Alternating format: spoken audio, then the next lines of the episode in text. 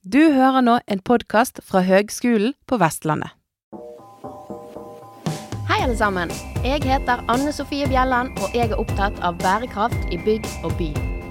Byggenæringen er i endring, og den vil endre seg radikalt de kommende årene når vi strekker oss etter å nå klimamålene. Det er utrolig mye som skjer samtidig. Med denne podkasten ønsker jeg å følge utviklingen på tvers av fag, sånn at vi sammen kommer nærmere bærekraft i bygg og by. Hei, alle sammen. Det er jo egentlig EU som har eh, ledertrøyen på i eh, den grønne innstillingen, også for byggenæringen.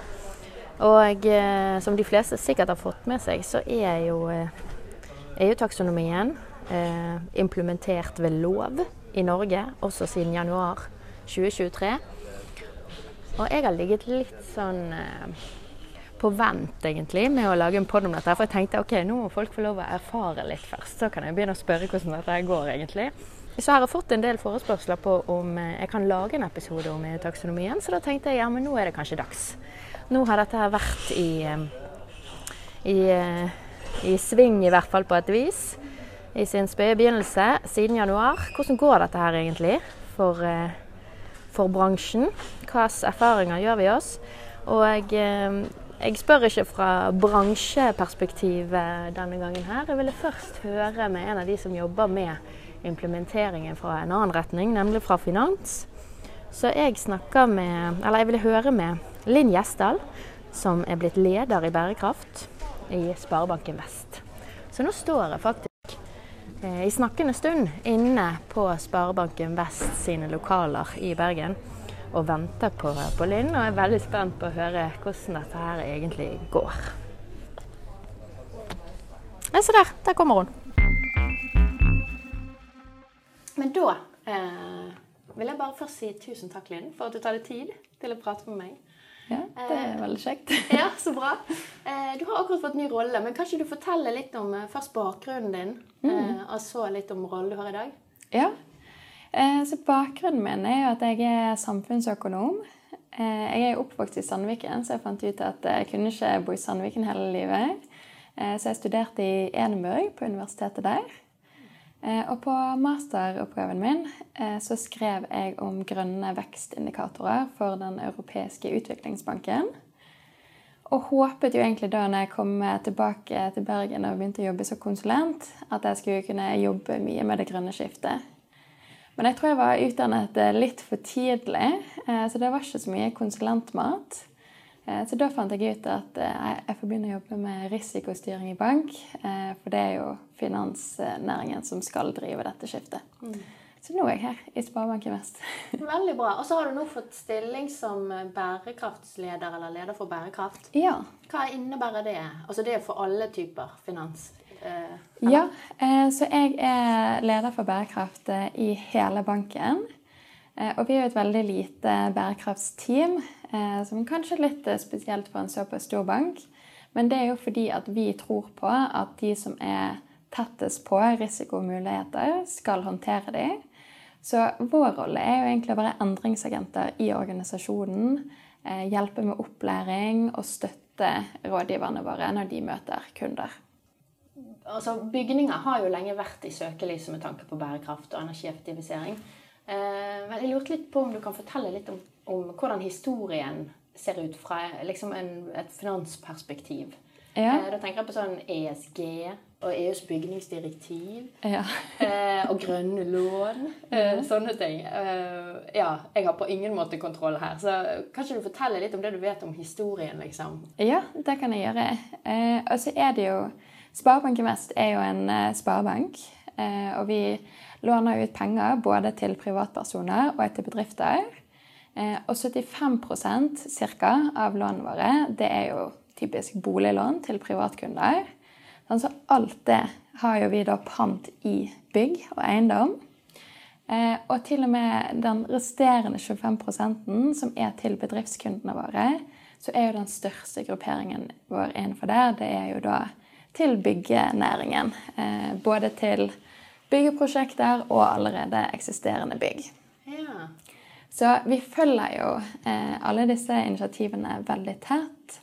Eh, både det nye bygningsdirektivet, fordi det er vår jobb som gode rådgivere eh, å gi råd. Hva er fornuftig?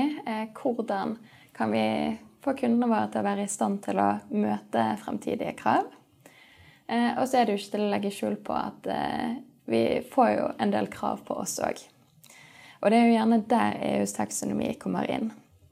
For der har jo EU sagt at det er jo en del av den eh, Green Deal at de skal bruke finanssystemet til å egentlig flytte kapital fra altså, tradisjonelle prosjekter til grønnere prosjekter. Og da er jo det egentlig opp til bankene. Da må vi kreve mer informasjon fra kundene våre. Både på typisk at vi innhenter energikarakter, men òg for bedriftskundene våre at vi har fokus på det sosiale aspektet av bærekraft òg. Og dette er jo sånn at vi skal kunne rapportere på hvordan vår eh, utenlandsportefølje ser ut. Og nå er jo det sånn at EUs taksonomi, der må ikke vi eh, etter kravet i Norge rapportere noe ennå. Men det som er ganske lett å glemme med finansnæringen, det er at det er en veldig stor verdikjede.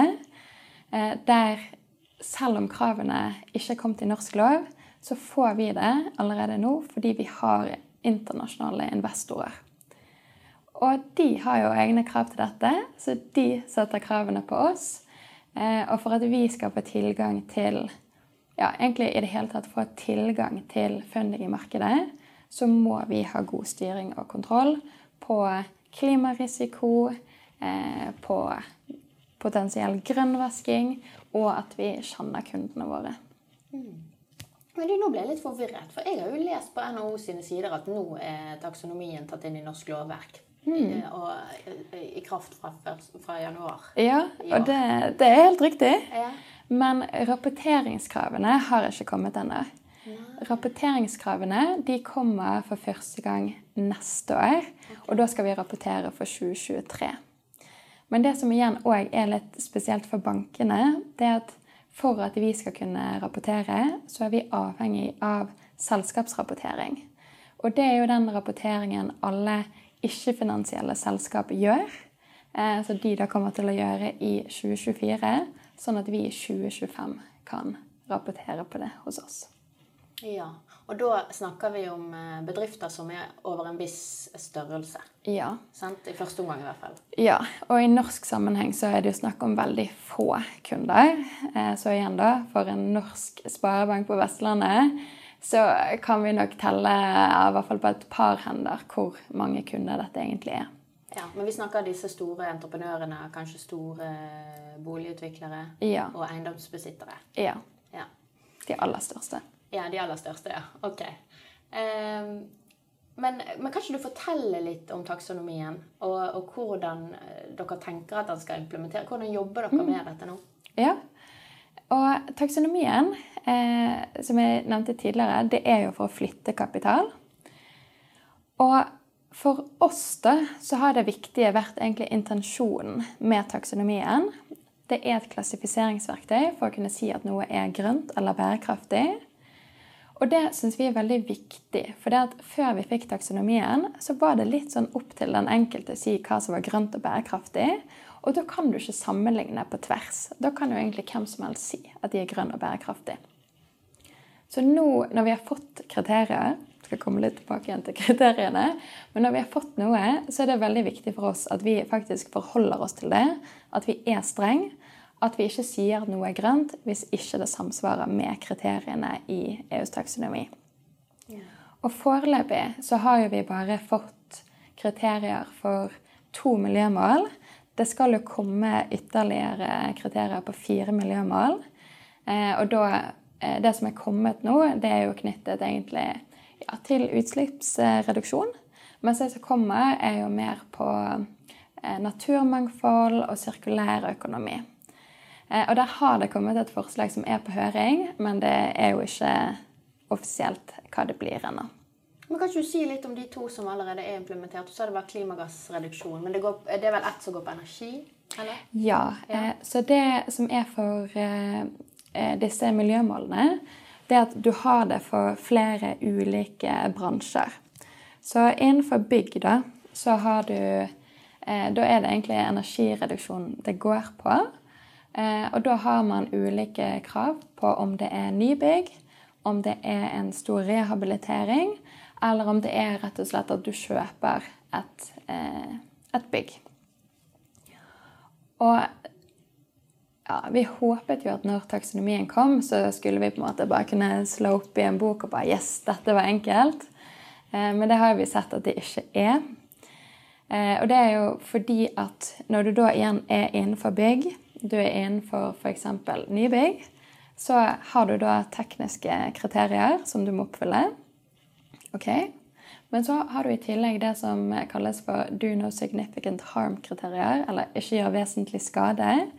Og det er eh, egentlig tekniske kriterier på de andre miljømålene. At du ikke skal ha noen negativ påvirkning der. Og i tillegg så må du ha kontroll på sosiale forhold og styring. Så det er på en måte tre eh, ulike kriteriesett man må kunne sjekke av. Og der har vi sett at det er ganske vanskelig, spesielt på nybygg og på rehabiliteringer. Eh, og at det enkleste, der man faktisk har klare definisjoner i dag, det er jo når man kjøper et allerede oppført bygg. Eh, da er det på en måte energiklassen det går på, eh, og at man har gjort en risikovurdering er knyttet til ja, eh, fysisk risiko og eh, overgangsrisiko. Ok. Men eh, bare for, for, det siste du sa her, hvis man kjøper en eiendom, eller mm. du vurderer en eksisterende eiendom, så er det energiklassen? Ja. Ok. Ja, for det er jo mange måter å se på energi på òg. Ja. Men, men, eh, dette har jo vært litt utfordrende sant, i forbindelse med implementeringen av taksonomien. fordi at vi har jo vært, håper jeg, Siden vi er i EØS-avtalen, så har vi hatt en del sånne EU-direktiv og bygningsdirektiv som har kommet mm. tidligere. Men de kan du jo liksom litt sånn frivillig implementere i, i nasjonale regelverk. Ja. Og du kan lage dine egne definisjoner og litt sånn. Noe Norge selvfølgelig har valgt å gjøre. Ja. Sånn at det blir veldig eh, flott og fint for, eh, for norsk kontekst, men, men, da avviker fra, mm. fra disse her level, altså som er energiytelsesklasser, ja. i, eh, i, direktivene. da. Mm. Og det forstår jeg har vært en utfordring når taksonomien, som vi er nødt Der kan vi liksom formulere vår egen lille greie. Nei. Den tas inn liksom as is. Så da har vi liksom en sånn mismatch der i forhold til disse kriteriene som du ja. nevner. da. Eh, så da svingte jo eh, Grønbyggallianse seg med flere og laget denne her eh, Bream Nord. Eller mm. tilpasset Bream Nord, som er en ja. sertifiseringsordning for bygninger. Sånn at du på en måte hadde noe som var eh, tilstrekkelig, eller kunne si at det oppfyller kravet til mm. taksonomien. Ja. Er du enig, eller nå må du stoppe meg eller korrigere meg her? Ja,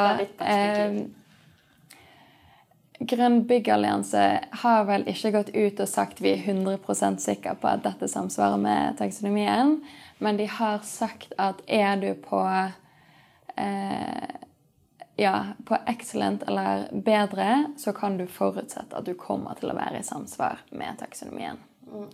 Ja, der er det en ørliten viktig ja, detalj. Eh, og det gjør jo det ganske vanskelig, fordi at vi må jo egentlig være sikre. Mm. Så lenge man sier ja, vi tror dette, så skaper jo du en usikkerhet i markedet. Og det er jo ganske store investeringer som skal til for å sertifisere. Og da er det jo greit å vite om eh, du blir taksonomigrønn, og om du kan få et eh, grønt lån på andre siden. For det at hvis du går inn på noe og sertifiserer, og så blir du ikke taksonomigrønn, så ja, vil i hvert fall kundene våre føle seg litt lurt. Mm. Ja, det var det, for det, det, var det som slo meg. For jeg har jo prøvd å gjøre litt sånn her eh, research i mm. veldig liten skala, da, men likevel. Eh, og andre banker har på en måte sagt at ja, grønne lån og oppfyllelse av dette her, kjør på Bream, liksom. Ferdig med det. Ja. Mens, mens, dere har ikke den eh, entydige Eller dere har en litt mer sånn ja, En litt annen tilnærming, da. Ja.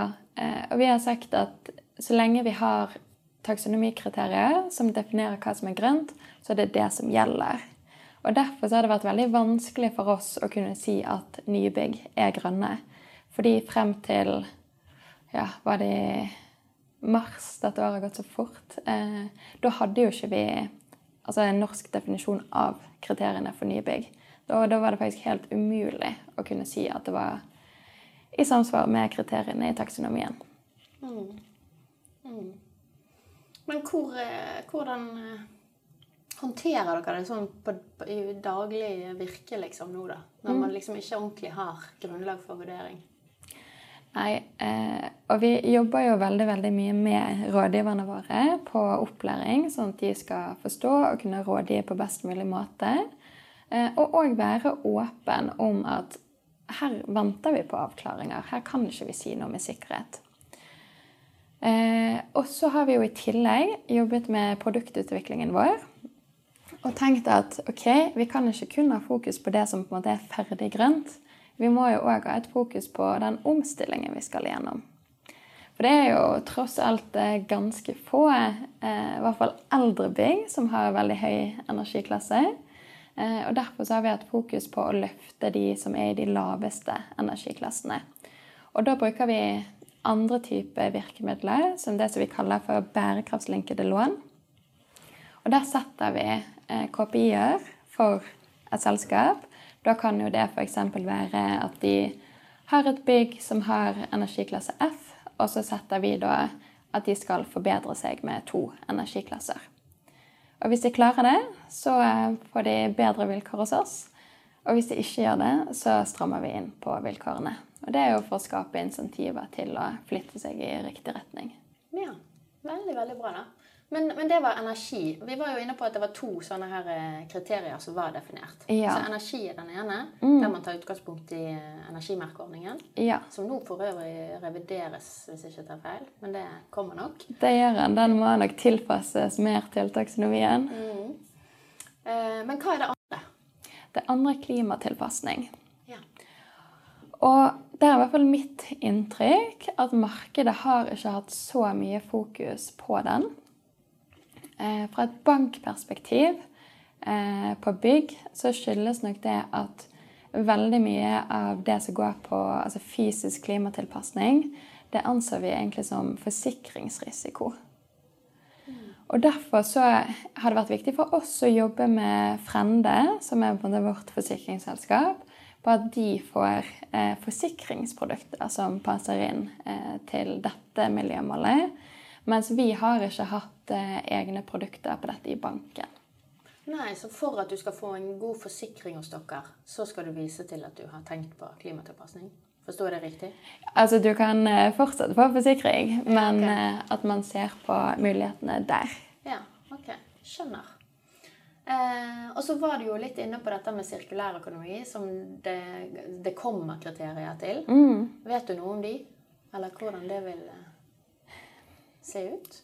Eh, ja, det er et godt spørsmål. Eh, og der må jeg jo innrømme at jeg tror egentlig hele finansnæringen var litt skuffet når vi så det utkastet. Og det er jo for at å lage disse kriteriesettene har tatt veldig mye lengre tid enn det EU forventet. Eh, og nå er det jo mine spekulasjoner.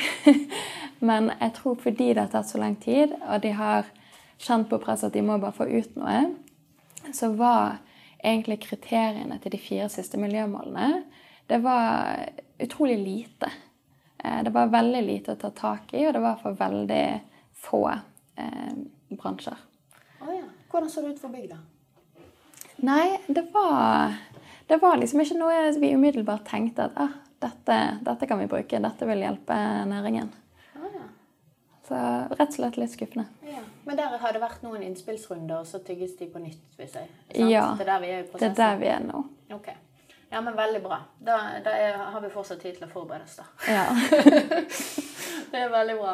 Men, eh, men hva er de største utfordringene med implementeringen? Ja, vi har jo vært inne på veldig mye av det allerede. Men eh, ja, da tenker du implementeringen av taksonomi? ja, eller? egentlig. Å få det inn i byggenæringen, liksom. Hvor er det Ja. de største utfordringene ligger? Du sa det var vanskeligere på rehab og nybygg enn Ja. det er på bare en, en eiendom. på en måte. Ja, og jeg tror egentlig den største utfordringen der har vært at informasjonen har ikke vært tydelig. Så når du igangsetter et nytt byggeprosjekt, så vet du ikke hva taksonomien forventer. Og da er det jo veldig vanskelig å implementere den. Så det er tydelighet eh, der fra myndigheter tenker jeg har vært det vanskeligste. Men eh, hvordan opplever du at bransjen responderer så langt, da? Hvis de kommer hit, ulike aktører, og liksom, Mm. har du noe inntrykk der? Ja, og der er det jo stor forskjell i modenhet. Vi gjorde jo gjennom stiftelsen vår Agenda Vestlandet ganske tidlig en undersøkelse på bedriftene på Vestlandet eh, for å se måte, om de hadde kjennskap til taksonomien. Eh, og det er jo klart, og det er jo naturlig at de store virksomhetene hadde jo bedre kjennskap til det enn de små. Eh, men sånn overordnet så var det ganske lite kjennskap til det. Så for vår del har det vært viktig å snakke om det. Eh, Og der har vi sett at i markedet hadde vært en modning. Og jeg tror dette er på en måte et såpass stort tema at vi, vi må begynne å snakke om det. Og så må vi snakke mer om det. Og så må vi snakke enda litt mer om det. Og så begynner kundene å komme til oss, og nå er det jo faktisk de som spør oss. Hvis ikke dette er et av de første punktene på agendaen i et kundemøte, så får vi kritiske spørsmål. Skal vi ikke snakke om taksonomien og det grønne skiftet? Ja. det men så bra. Um, har du troen på eh, taksonomien som et verktøy? Tror du den kommer til å akselerere utviklingen mot en mer bærekraftig bygningsmasse og byggenæring? Som, som system? Du som Ja. liksom kjenner strukturen? Ja, det er et ganske vanskelig spørsmål. Eh, fordi at taksonomien og intensjonen har jeg utrolig stor tro på. Eh, og så har jeg òg tro på at man må sette ambisjonsnivået høyt. Men så ser jeg at i implementering, med all den usikkerheten som er, så blir det ganske vanskelig. Eh, og jeg tror man må være tydeligere på hva det betyr for hver enkelt næring, og at man bør ha ordninger i hvert enkelt land som gjør at du enkelt på en måte kan få en sjekk. Jeg er innenfor taksonomien. Og om det er på en måte revisor eller andre, eh, det tror jeg blir veldig viktig. Og det blir jo interessant å se hvordan det utvikler seg når man begynner med selskapsrapporteringen. Eh, men så er jo det òg litt sånn at det er jo en del industrier, eh, bransjer, som ikke er med i taksonomien. Og derfor så vil man jo alltid ha egne grønne rammeverk på siden. Og for byggnæringen, selv om man har kriterier, så tror jeg likevel at man vil bli litt påvirket av det. Så jeg er usikker. Eh, jeg tror bygningsdirektivet, hvis det blir eh, så strengt som det ser ut til å bli, så tror jeg det vil ha en større effekt enn det taksonomien vil ha. Hva mener du med bygningsdirektivet, da? Altså denne energimerkeordningen? Eller mener du bygning, altså myndighetskravene? Eh, ja, eh, det nye forslaget til EUs bygningsdirektiv, Ja, ok. som eh, setter krav til eh, ja, når man skal ha nullutslippsbygg, og at man innen en viss tid ikke får lov til å selge boliger hvis de er under en viss eh, energiklasse. Ja. Når kommer dette? Nei, Det er jo usikkert når det blir implementert i Norge. Eh, men de tydeligste kravene der, da, eh, det er vel for offentlige bygg, det er jo allerede i 2027. Men nå har vi hoppet litt sånn elegant over norske myndigheter, på en måte. Ja. Eh, men vi må jo ta deres rolle òg i dette her. Eh, kan ikke du si litt om, om det? Ja. Eh, ja eh, norske myndigheter har jo en veldig viktig rolle i dette. Fordi at når vi har taksonomikriteriene, så er det jo som du nevnte tidligere, vi kan ikke endre de. Men vi er avhengig av at myndighetene sier hva det betyr på norsk. Så f.eks. som på nye bygg, som vi var inne på, så har jo kravet vært at du må ha et energiforbruk som er 10% lavere enn det nasjonale Nearly Zero Emissions Building. Eh, Ja, lovkrav på nybygg, liksom. ja. Og der Vi ventet jo ja, flere år, si, i hvert fall over et år, på at denne definisjonen skulle komme. Og da er jo hele næringen i limbo. Eh, for da vet vi ikke. Da kan vi faktisk ikke bruke de kriteriene vi har. Så at norske myndigheter er tydelige, det er kjempeviktig. Ja. Så de må egentlig oversette og hjelpe bransjen da, Ja. til å, å si det på norsk, rett og Ja. Okay. Si det på norsk. Ja. Veldig bra. Men det ligger jo da først og fremst kanskje hos eh, Direktoratet for byggkvalitet. Eller flere instanser kanskje etter hvert. Ja, jeg er ikke så inne på det. Eh, alt arbeid som vi gjør opp eh, mot myndigheter, det går jo gjennom Finans Norge. Ja. Men nå har vi altså fått dette inn i lovverket vårt, og så begynner rapporteringen i neste år. Og så sa du noe om at dette direktivet kommer, og det vil tre i kraft så i 2027. Ja, i hvert fall de første kravene. Men der er vi jo igjen usikre på norsk implementering og hva det betyr i Norge.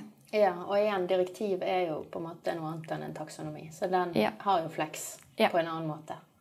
Men eh, hvor tror du, eller håper du, vi er om fem år, da? Oh, Om fem år så håper jeg at vi faktisk har gjort noe. At vi har sett et skifte. At eh, vi har en stor andel boliger, større bygg, som vi faktisk har oppgradert. Og der kan vi si at vi har kanskje vært litt eh, heldige med strømprisene, da. At de gikk opp. Det har jo fått mange til å fokusere på at oi, eh, jeg kunne jo spart så og så mange tusen hver måned hvis jeg bare hadde hatt et litt mer energieffektivt bygg. Så det er jo én driver. Eh, og så håper jeg at den utviklingen fortsetter. Men der, du, jeg må- spørre litt om dette private markedet òg. For det er en vesentlig del av bygningsmassen i Norge eies av private Ja. eh, folk i gaten, håper jeg, mm. Med veldig begrenset kompetanse. Og også en begrenset lommebok i forhold til de kostnadene det er snakk om å investere.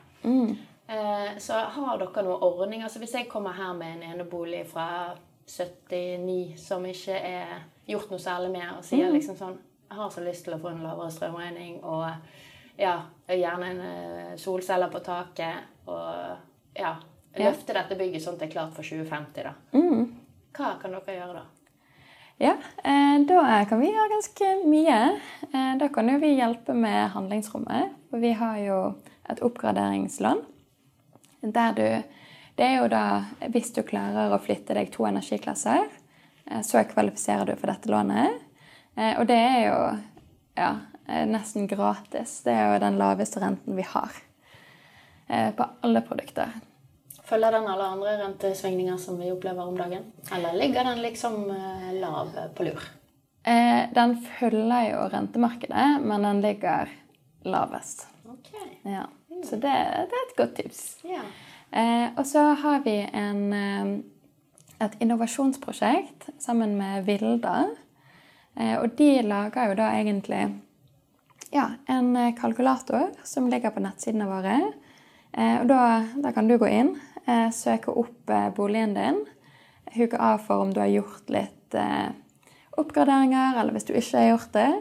Eh, og så estimerer da Vilde hvor mye du kan eh, spare på strømregningen og på kroner og øre.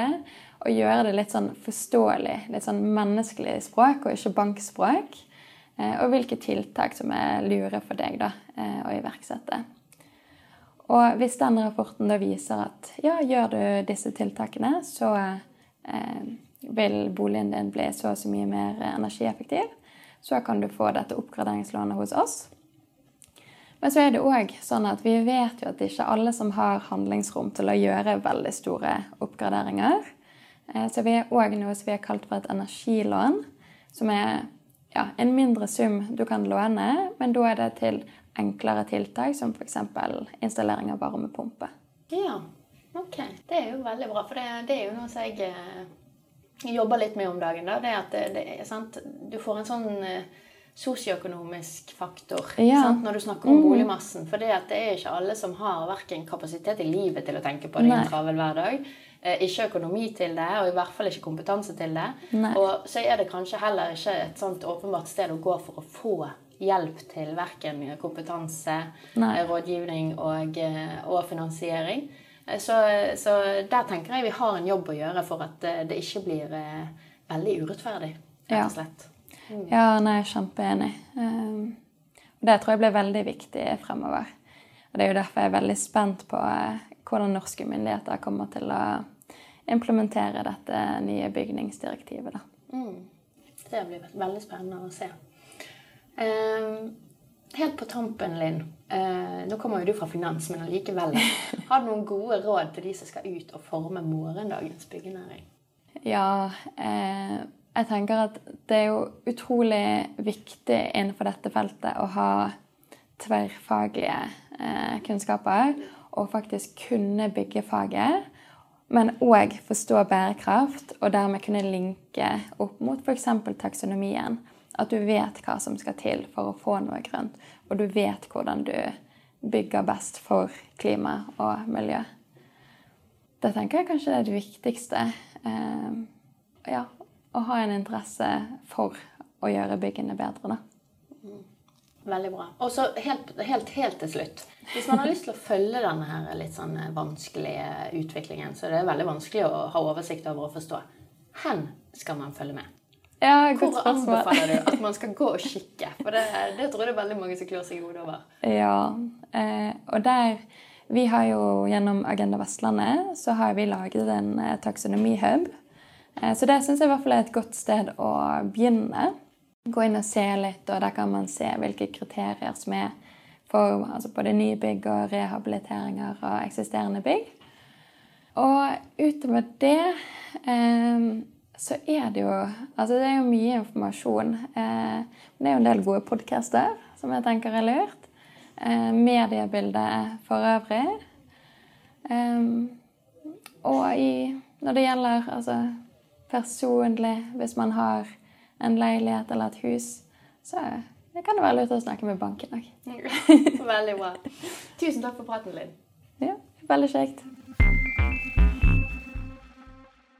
Utrolig interessant eh, å snakke med Linda. Men jeg håper å si ja, jeg har fortsatt mange spørsmål, men eh, liksom, hvis vi skal summere opp litt da. Ok, eh, det er lettere å dokumentere bare eiendommer eh, enn å eh, dokumentere prosjekter, altså byggeprosjekter som eh, på både rehabilitering og nybygg. Og hovedårsaken til det, det er at man skal jo dokumentere etter disse seks eh, målene, der vi foreløpig bare har to som er ordentlig definert. Og disse målene de er begrensning av klimaendringer, klimatilpasning, bærekraftig bruk og beskyttelse av vann og marine ressurser, omstilling til sirkulærøkonomi, avfallsforebygging og gjenvinning, forebygging og kontroll av forurensning og beskyttelse av sunne økosystemer og biologisk mangfold.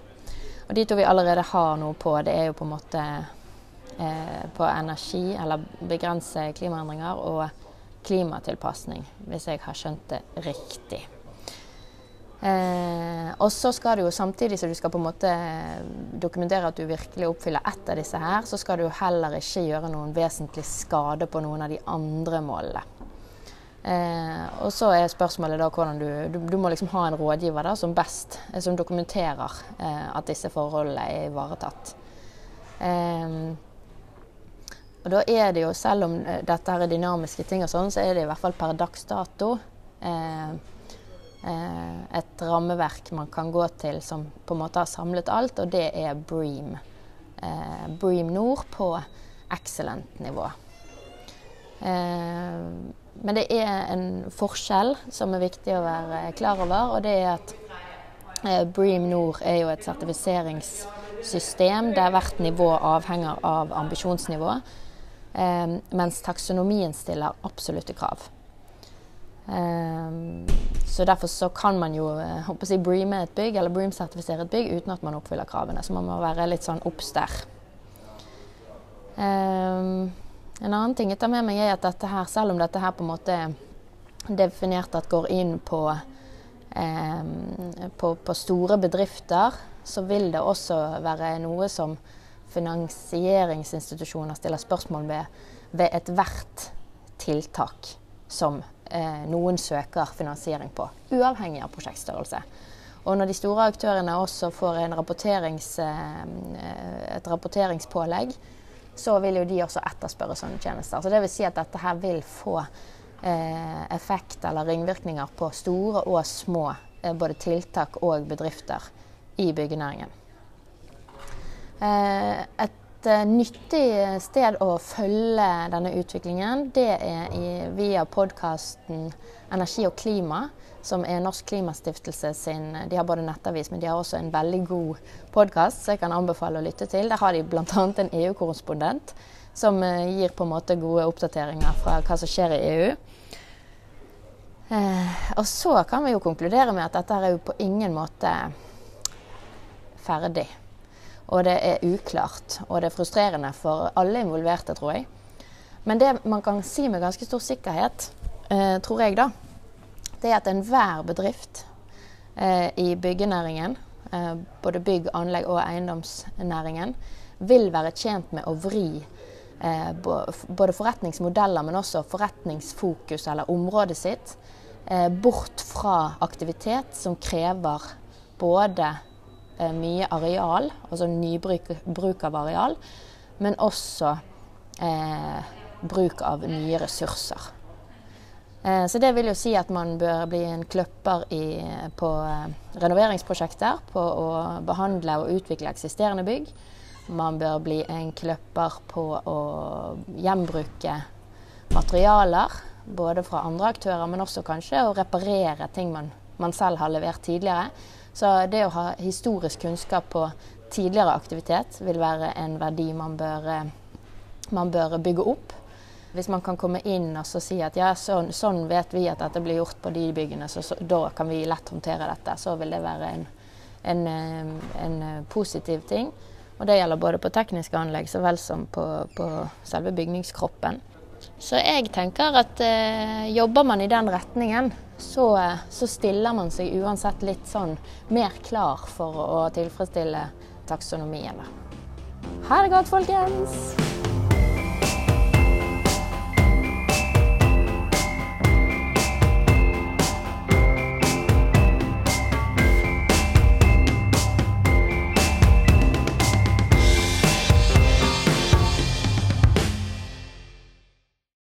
Du har nå hørt en podkast fra Høgskolen på Vestlandet.